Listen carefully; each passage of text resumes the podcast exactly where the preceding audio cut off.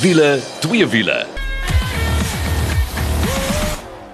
Dis weer daai tyd van die week. Ek is Janet en saam met my sit Kaal. Hallo. Hallo, altyd lekker om saam julle te kuier. Weer eens 'n propvol program. Ons gesels later bietjie met meneer Nicolou ook. Dis reg. Hy gaan vir ons sê wat dink hy van Hyundai se i20, maar hy het ook weer vir ons 'n interessante wenk. Dan het ons 'n jong mannetjie wat by ons aansluit vir twee wiele en dan gaan ons bietjie by Kingsley en Ross Holgate ook hoor wat daar aangaan. Maar ons gaan wegspring met twee padtoetse. En die eerste padtoets is soos wat ek genoem het Hyundai se i20. Nou kyk, daai Hyundai i20 is daarom gewild. Maar hy lyk nou so pragtig. Ek bedoel sy stelering aan die buitekant is absoluut fenomenaal. Maar ek wil vir jou sê, kom ons gaan hoor eers bietjie wat sê Nicole van Hyundai se i20. Collins en ek was gelukkig om die naweek te kon rondrits in Hyundai se splinter nuwe i20. As jy nou weer wonder wat is die i20? Dit is daai klein luikrig wat dieselfde grootte is as 'n Volkswagen Polo.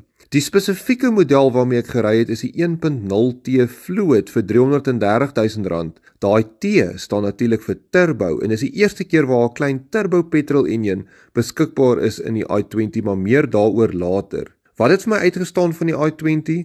Wel verseker die stelering. As jy van buite af na die voertuig kyk, lyk hy nou opwindend, hy lyk stylvol en hy het definitief 'n paar koppe gedraai.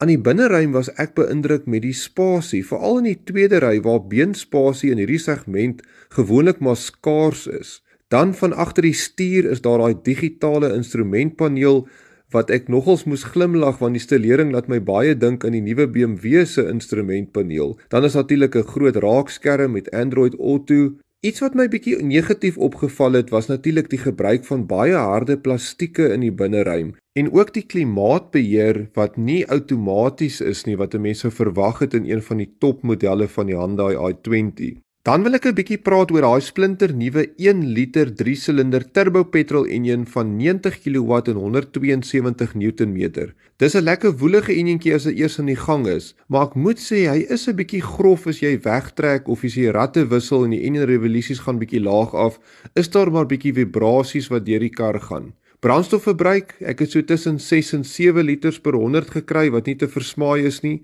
en my algemene indruk oor die kar is baie positief. Is hy beter as 'n Volkswagen Polo? Wel, definitief meer waarde vir geld. As mens kyk, jy gaan meer betaal vir die Polo, maar ek dink die afwerking in die binnekant is nie heeltemal op die Polo se vlak nie. Maar ek dink nog steeds 'n baie goeie poging van Hyundai. Ja, as net ek hoor wat hy sê, jy weet dit is baie interessant vir my, jy weet mense het opinies. Ek het van die begin af wat ek in die kar geklim het baie van hom gehou. Ek was mal oor die enjin. Ek hoor wat Nicole sê, hy sien dit as 'n vibrasie. Ek nie heeltemal nie, dis 'n 3-silinder. Ek en jy was nog altyd baie mal geweest oor daai 3-silinder klank. Die groot ding vir my is en hy het nou genoem van daai 90 kW. Daai enjinkie as hy eers aan die gang kom, is hom lieflik en hy trek ontsettend lekker. Maar kom ons kyk gou 'n bietjie na i20. i20 het vandat hulle in die land ingekom het oor die 100 000 eenhede verkoop. Wat vir jou sê wat se groot sukses dit is en dit is een van die mees betroubaarste modelle in die Hyundai reeks. Ek bedoel sy warranty burn rate en dit moet jy nou maar gaan Google want ek het nie tyd om dit te verduidelik nie. is net so oor die R30 per eenheid per maand en dit is bitter min. Jy kan maar gaan kyk na die ander groot handelsmerke wat almal net praat van o, hulle is so betroubaar. Daar's 'n rede hoekom Hyundai 'n 7 jaar 200 000 km waarborg het. Ja, so ek bedoel as jy nou baie keer 'n wiele twee wiele luister en dink maar jy jy praat altyd net van duur karre. Hier's nou 'n klein buksie wat bekostigbaar is. En dit is soos Nicole sê, die, hy kompeteer basies met jou Volkswagen Polo. Hy's bietjie goedkoper, maar goed, die binneruim materiale, dit het my nie regtig geplan nie. Maar ek sê vir jou as jy kyk waar die i20 vandaan kom, soos Kaal gesê het. Ek bedoel dis nou die derde generasie en hy was eers bekend gestel in 2009. Kyk hoe hy toegelyk het en kyk hoe hy nou lyk. Sportief, funky. Ek is mal oor daai liggies wat so aan die agterkant is. As jy nou nie weet waarvan ek praat nie, gaan loer bietjie op ons Facebook bladsy. Dis wiele twee wiele. Dan gaan kyk jy hoe lyk Hyundai se nuwe i20. So net hy kom ook natuurlik met nog twee ander engines ook. Jy kry daai 1.2 Kappa engine waarmee hy uitkom en dan na 1.4 en uh ja, ek moet vir jou sê, ek sal miskien daai ekstra geldjie uithaal of uh dalk 'n hond verkoop of so om my 1 liter te kry. Daar's niks fout met die ander twee nie. Ek geniet net die radkas ontsettend baie. Ons het die 6-spoed uh manual gehad soos wat Nicole gesê het. Lekker geloop, baie glad, lieflike kar om te ry. En net gou vinnig op bekostigbaarheid van karre en ek wil hier net iets sê want ons het al voorheen mense gehad wat gesê ja, ons praat net oor dierkarre. Dit is nie die kar vervaardiger se skuld altyd dat voertuie so duur geraak het nie. Ek wil die swak rand, die invoerkoste. Ek gaan nou vir jou sê ek gaan eendag maar tyd iemand kry. Miskien kan ons tot vir Stanley nader trek van hande dat hy kan verduidelik hoe word hierdie voertuig se prys opgemaak en jy gaan op jou rug val dat nie ver van die helfte van daai prys nie is allerlei ander goed en dit gaan nie regtig oor die kar self nie. So dis nou maar waartoe ons beweeg, maar baie bekostigbaar. Nicole praat van die kompetisie. Ek uh, het baie te doen met Volkswagen se 1 liter en 1.2 liter TSI engines en voertuie. Yes, jy weet, die een is altyd beter op een vlak as die ander een of so aan, maar uh, ja, ek dink die Hyundai is definitief een vir die kortlys en ek wil weer sê, ek dink daai back-to-back ry.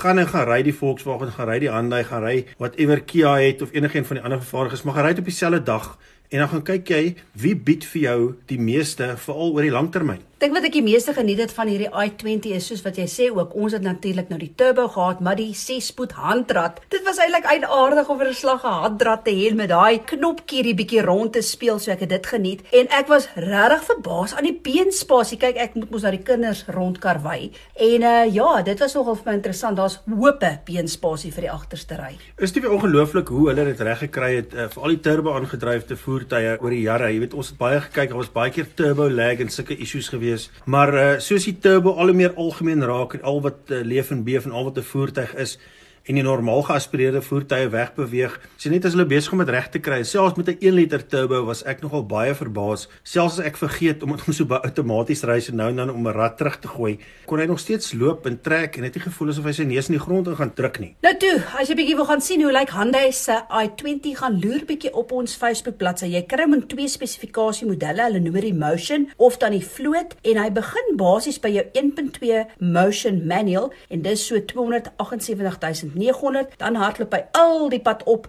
na jou 1 liter vloot DCT en dit is daai 360900. So dis basies waarna jy kyk. Maar nou eers oor na Mercedes-Benz se GLB of dan GLB. Hy kom in twee modelle, maar ons het nou spesifiek met die 220D gery. En kal ek weet nie. Ek sê mal oor hoe hy lyk nie. Ja, as net ek dink daar's al baie gemengde gevoelens. Hy het baie aandag getrek. Van die mense het gesê, "Sjoe, dis 'n fancy kar." Ander mense het weer gekyk, "Wat is dit hierdie?" Want dit is 'n baie um ander tipe benadering as jy kyk na hoe Mercedes-Benz se karre gewoonlik lyk. Toe Mercedes-Benz besluit hulle gaan iets anders as net statige slap karre maak en baie sportiewe voertuie natuurlik ook. En uitgekom het in 1997 met hulle A-klas. Het almal gewonder waantoe nou gasie. Maar die tye het so verander en ek dink hulle het ook besef dat die sportnuts is hier om te bly en dis die vinnigste groeiende segment wat daar is. En uh, hierdie GLB wat nou uitgekom het, maak dit nou baie interessant. Ja, ek hoor wat jy sê, jy weet dit is love it to hate. Dit is een van daai karre. ja. Ek onthou toe die nuwe BMW's uitkom met hulle nuwe sierroosters, het mense ook hierdie kant toe en daai kant toe gegaan. Maar ons weet mense raak gewoond. Die kar is nie skreeu lelik nie. Dis 'n baie eienaardige vorm vir Mercedes-Benz is vir my eerste. Daar is nie nog 'n uh, Merc wat so lyk like nie. Maar Janet, ek dink jy is saamstem. Klim jy binne in hierdie voertuig in, dan uh, is dit 'n uh, heeltemal 'n ander storie want dit is statig. Hy het al die geriewe binne in wat jy wil hê. Al die tierlantjies en dis een van daai wat as jy die deur oopmaak dan wys daai sterretjie sommer so op die grond ook wat vir jou laat voel luister jy jy het nou gearriveer. Wat interessant ook is is die feit dat jou driver assistance sisteme wat jy kry is basies dieselfde as die S-klas. Nou onder andere het hy hierdie radarstelsel wat basies 500 meter vir jou vooruit kyk en jou waarsku. So dit help met veiligheid. Maar kom ons gesels gou-gou oor die engine. Ja, as jy net jy kry met 'n petrol en 'n diesel. Ek dink dit is die groot ding en ons is spesifiek die diesel gehad die 220D.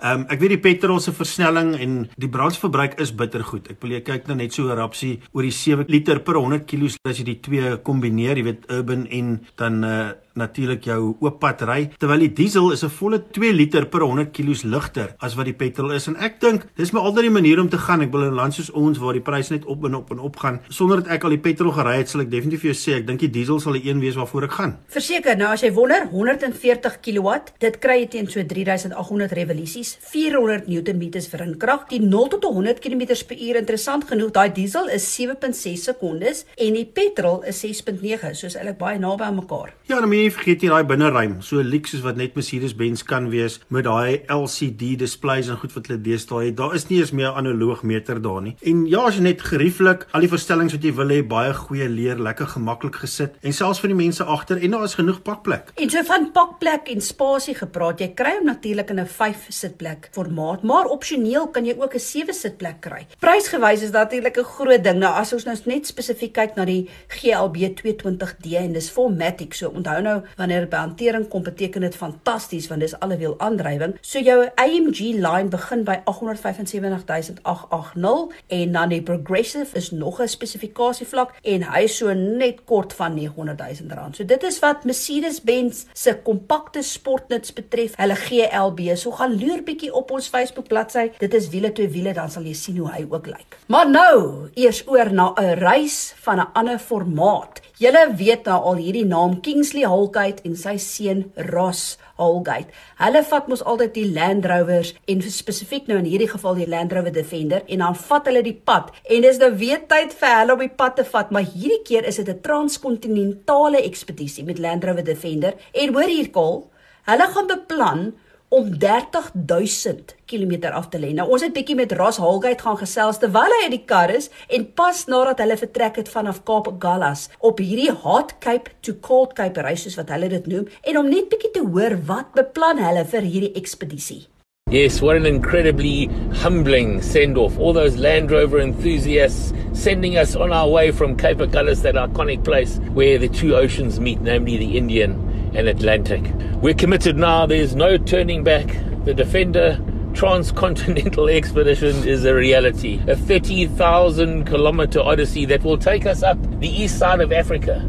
Countries like Tanzania, Kenya, Ethiopia, Djibouti, Eritrea, North Sudan, and Egypt before crossing over into Eastern Europe, up to Russia, Moscow, St. Petersburg, and then finally to the Arctic Circle, possibly the furthest north you could drive the all new Land Rover Defender. Yes, the expedition is nicknamed Hot Cape to Cold Cape, but it's not over when we reach the Arctic Circle. We'll turn the noses of the Land Rover Defenders to the west, continue down through Europe, and finally on to the United Kingdom and Wales, to a mystical beach known as Anglesey, where when we arrive it will mark 75 years since that first sketch was drawn of a Land Rover Series 1. And that will mark the end of the Defender transcontinental journey with the emptying of the Zulu Calabash into the sea. Ek kyk daar's lande wat Ras nou genoem het wat ek nie eens geweet het bestaan nie, so net dit is ongelooflik. Ek het gedink na 47 jaar behoort ek 'n redelike goeie idee te hê. Maar jy weet al Kingsley ekspedisies gaan na sulke tipe plekke toe en dit gaan nie net oor, jy weet, ons gaan nou 'n bietjie ry en kyk hoe mooi is dit daar nie. Hulle gaan fisies om 'n verskil te gaan maak. En ons wil 'n bietjie by Rasle hoor, weet, wat is hulle humanitêre doelwitte en uh, hulle omgewingsinisiatiewe wat hulle vir hierdie tipe ekspedisies beplan? An incredibly incredibly tough journey for man and machine this defender transcontinental journey, hot Cape to cold Cape. But more importantly, is that we turn it into a journey of purpose and maintain that theme of using these Land Rover adventures to save and improve lives. Our humanitarian initiatives will include the distribution of right to sight spectacles to the poor sighted, the distribution of insecticide treated mosquito nets to pregnant moms and to children under the age of five. I mean, it's absolutely ridiculous that a child still dies for every two minutes around the clock in Africa because of malaria. Then it's our live straw campaign, our water purification campaign, where we'll distribute live straws to nomadic people around Africa, as well as giant water tanks to communities and clinics along our journey. Then there's the environmental side. You know, we are using the P400. So, what about all our carbon emissions? As part of this journey, we'll be planting over 2,000 trees to offset our carbon emissions on this Defender transcontinental journey. Ross en Kingsley vat die pad met twee Land Rover Defenders, maar spesifiek die P400 en ek 'n bietjie by Ross hoor wat dink hulle van die Defender wat van die moeilikste terrein op aarde nou moet gaan aandurf. We've had the incredible opportunity and privilege to have done over 40 expeditions in Land Rovers, many of them world firsts. But I don't think I've ever been so excited to take the all new Land Rover Defender on probably one of our greatest adventures yet. 30,000 kilometers, probably the toughest journey we've ever done. Ek as jy graag meer wil gaan lees en kyk na Kingsley en Ross Holgate se transkontinentale ekspedisies met daai Land Rover Defender waaroor ons almal so mal is, gaan maak 'n draai by hulle uh, Facebook bladsy. Dit is die Kingsley Holgate Foundation Facebook bladsy of by Land Rover Suid-Afrika se Instagram, Twitter en Facebook en dan kan jy saam met hulle daai ekspedisie lewe. Nou ons gaan nou eers bietjie asem skep, dan sou ons terug met 'n interessante wenk en dan ook twee wiele waar ons met 'n klein jong mannetjie gesels en 'n naam wat jy moet onthou. Ja, en as jy 'n vlekvrye staal uitlaatstelsel soek al uh, as jy hom wil stilhou of as jy so 'n bietjie weer jou kar moet praat, moet jy definitief 'n draai gemaak by Powerflow Belwel. Hulle kyk na alles wat jy nodig het. En uh, weet jy wat, dis nie net 'n jaar waarog nie, dis sommer 5 jaar. So uh, vir beter werkverrigting, brandstofverbruik en al Belflow Belwel, dis die plek vir jou. En is so maklik soos www.belflowbelwel.co.za. As jy nou net ingeskakel het, dit is wiele twee wiele. Ek is Janet, saam met my is Kaal en dan gaan Nikkel ook binnekort by ons aansluit. Nou vir ons wenk van die week gaan Nikkel bietjie gesels oor lugsakke. Hallo Nikkel, ag dankie dat jy weer jou wysheid met ons deel jong. Ek dink my eerste vraag wat ek het vir jou is ek weet lugsakke red lewens, maar hoe red dit lewens? So net ja, lugsakke kom nou al 'n hele rukkie saam met ons. In die begin was dit altyd in jou luukse voertuie gewees, maar ons sien vandag dat jy kry selfs lugsakke in jou intreevlak motors. En soos jy genoem het, die rede daarvoor is dit red lewens. Maar hoekom red 'n lugsak lewens? Kom ons kyk gou na 'n voorbeeld waar 'n voertuig van voor af teen 'n voorwerp bots. Wat nou eintlik gebeur is, jou liggaam gaan nog steeds vorentoe gaan teen dieselfde snelheid voor jy in die ongeluk betrokke is. En wat dan gebeur is, jou veiligheidsgordel gaan jou liggaam dan begin rem. Maar onthou, jou kop en jou arms en jou bene gaan nog steeds vorentoe met die snelheid wat die voertuig was voor die botsing. En nou wat 'n lugsak doen is, hy keer dat jou kop veral die stuurwiel tref of sy passasier is dat jy kontak maak met 'n harde oppervlakte soos byvoorbeeld die paneelbord en natuurlik die nuwe lugsakke soos jou knie lugsak keer selfs dat jou bene in harde oppervlaktes kontak maak en dit is natuurlik wat keer dat jy beseer word. Wat mens ook moet onthou is daai kussing effek wat die lugsak met jou het maak ook dat jou verstelling wat jou liggaam ervaar soos hy daai lugsak tref dan geleidelik afneem. Want onthou as jy iets hard tref, dan is daai versnelling verskriklik groot en jy kan selfs interne beserings kry net oor die versnelling, nie eers oor iets wat jy tref nie. Ja, Nico, maar dan wil ek ook net graag weet, jy weet ja, dit red lewens, maar hoe werk so 'n lugsak spesifiek? Kaal 'n lugsak is deel van 'n groter stelsel wat daar is om jou veilig te hou. En daai stelsel bestaan natuurlik uit wat ons noem 'n botsingssensor en ook versnellingsmeters en dan ook 'n beheerder wat moet bepaal wanneer moet die lugsak afgaan want onthou jy wil hê die lugsak moet nou sommer afgaan as jy net 'n klein insident in 'n parkeerterrein het nie so daai sensors bepaal die impak hoe groot die impak is en in watter rigting die impak is en of die lugsakke moet afgaan al dan nie. So wanneer daai sein deurgaan wat sê die lugsakke moet nou afgaan en watter lugsakke moet afgaan, dan is daar 'n ontploffing wat veroorsaak dat gas opbou en daai lugsak dan nou opblaas. Die eerste lugsakke was met saamgedrukte lug opgeblaas, maar hulle het gou agtergekom dit vat te lank en daarom die ontploffing, die chemiese reaksie wat daai gasse laat vrystel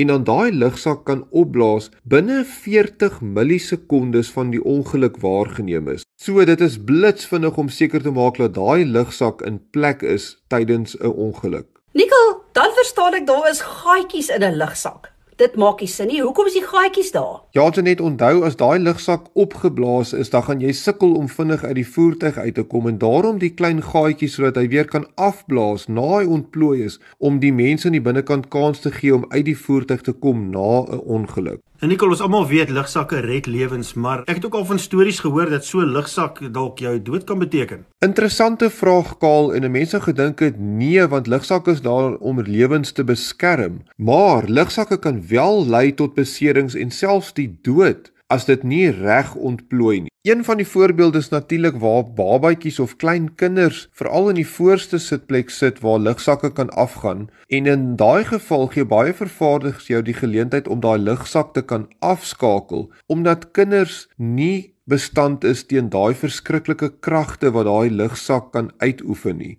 'n Ander voorbeeld is as jy nie jou veiligheidsgordel vasgemaak het nie, want onthou, as jou veiligheidsgordel nie vas is nie, weet die voertuig nie of die beheerstelsel van die lugsakke waar jou liggaam is tydens 'n ongeluk wanneer daai lugsak afgaan nie. En soos ek sê, daai kragte is so groot dat as jou liggaam nie in die regte posisie is wanneer hy afgaan nie, kan daai lugsak jou beseer of selfs jou dood veroorsaak. So dis hoekom dit so belangrik is dat jy jou veiligheidsgordel nommer 1 moet aansit want dit is die begin van die veiligheidsstelsel van die voertuig en daarna kan hy besluit watter lugsakke gaan af. Laastens wil ek net sê as ons kyk na die toekoms, dan lyk dit of die getal lugsakke al hoe meer raak in die voertuie. Aan die begin het ons net een lugsak gehad vir die bestuurder, nou is dit al vir die passasier. Dan kry mens vir jou knie, dan kry mens hierdie wat op die kante is in geval die kar begin rol of 'n sy impak het. So ek kan net sien dat in die toekoms gaan daar al hoe meer lugsakke in 'n voertuig wees totdat die lugsakke amper die hele kajuit kan vul en die mense in die binnekant beskerm. Nicole baie dankie dat jy jou wysheid met ons gedeel het. Nou toe, nou weet ons almal ook bietjie meer van lugsakke. Nou is dit eers tyd vir twee wiele. Nou julle het hierdie naam al gehoor, Neil van der Vyver. Hy was al hier in ons wiele twee wiele ateljee. Hy is 13 jaar oud. Hy het al 4 motocross kampioenskappe agter sy naam en uh, ons het bietjie by hom gaan kuier om te hoor hoe gaan dit in die jaar van 2021. Wat word beplan vir 2022? Maar onthou hierdie naam Neil van der Vyver. Hierdie ou het groot drome. Kom ons gaan hoor. Nou 2021 is nou die eerste jaar wat jy op 'n 85cc is en ek wil graag by jou hoor, hoe was daai oorgangsfase van die 65cc? Die 65cc was perfek vir my want ek was die perfekte lengte geweest en um Ek was gewoond aan daai bike want ek ry hom al vir ek het hom vir 3 jaar gery en hierdie jaar het ek nou oorgegaan na die 85. So baie groter bike. Ek sê gou 'n bietjie kort vir hom en hy's ook 'n baie swaarder bike en elke keer dat ek met die groter bike ry dan voel ek dit weer gemaklik en ek uh, raak net vinniger. Wel as ek kyk na die resultate van hierdie jaar het jy duidelik nie teruggestaan vir 'n nuwe motorfiets in wat nou 'n 85cc is nie. Maar daar is wel baie struikelblokke wat jy moes oorkom. So vertel 'n bietjie daarvan. Um in Kaapstad is daar um, was daar geen reise hierdie jaar gewees nie, geen regionals of club reise nie en die naaste um reis was in PE wat 750 km weg was en ons het ons het heeltyd rondtravel agter ander reisies aan en um ek moes ook baie tyd by die skool so dit maak dit ook moeilik en um ja, maar hopelik volgende jaar gaan ons meer reise in die Kaap hê. Tog sekerlik was dit lekker om die baie by die skool te wees, hè? ja, dit was want dan um, was ek die dansklasse. Hoorie, wat sê gou verby jou kampioenskap aspirasie sover? Want ek bedoel, hoeveel kampioenskappe het jy al gewen? Um, ek het al 4 gewen.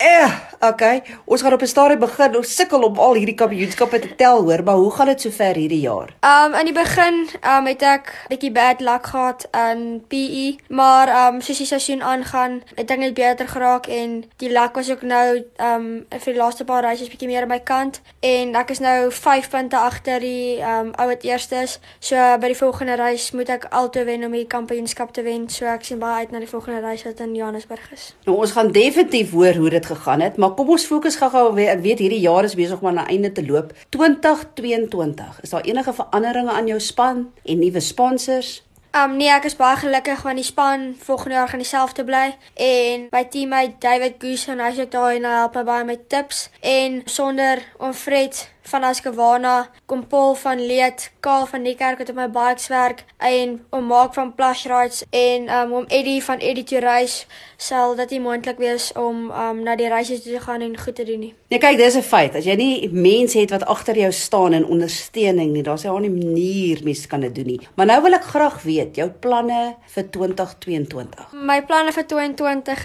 is dat um, ons die Junior World Kampioenskappe sal gaan doen en die nationals sal ons ook probeer doen en dalk so een of twee reisies ook oor see, maar die um goal is om volgende jaar by die Worlds 'n top 3 te kry.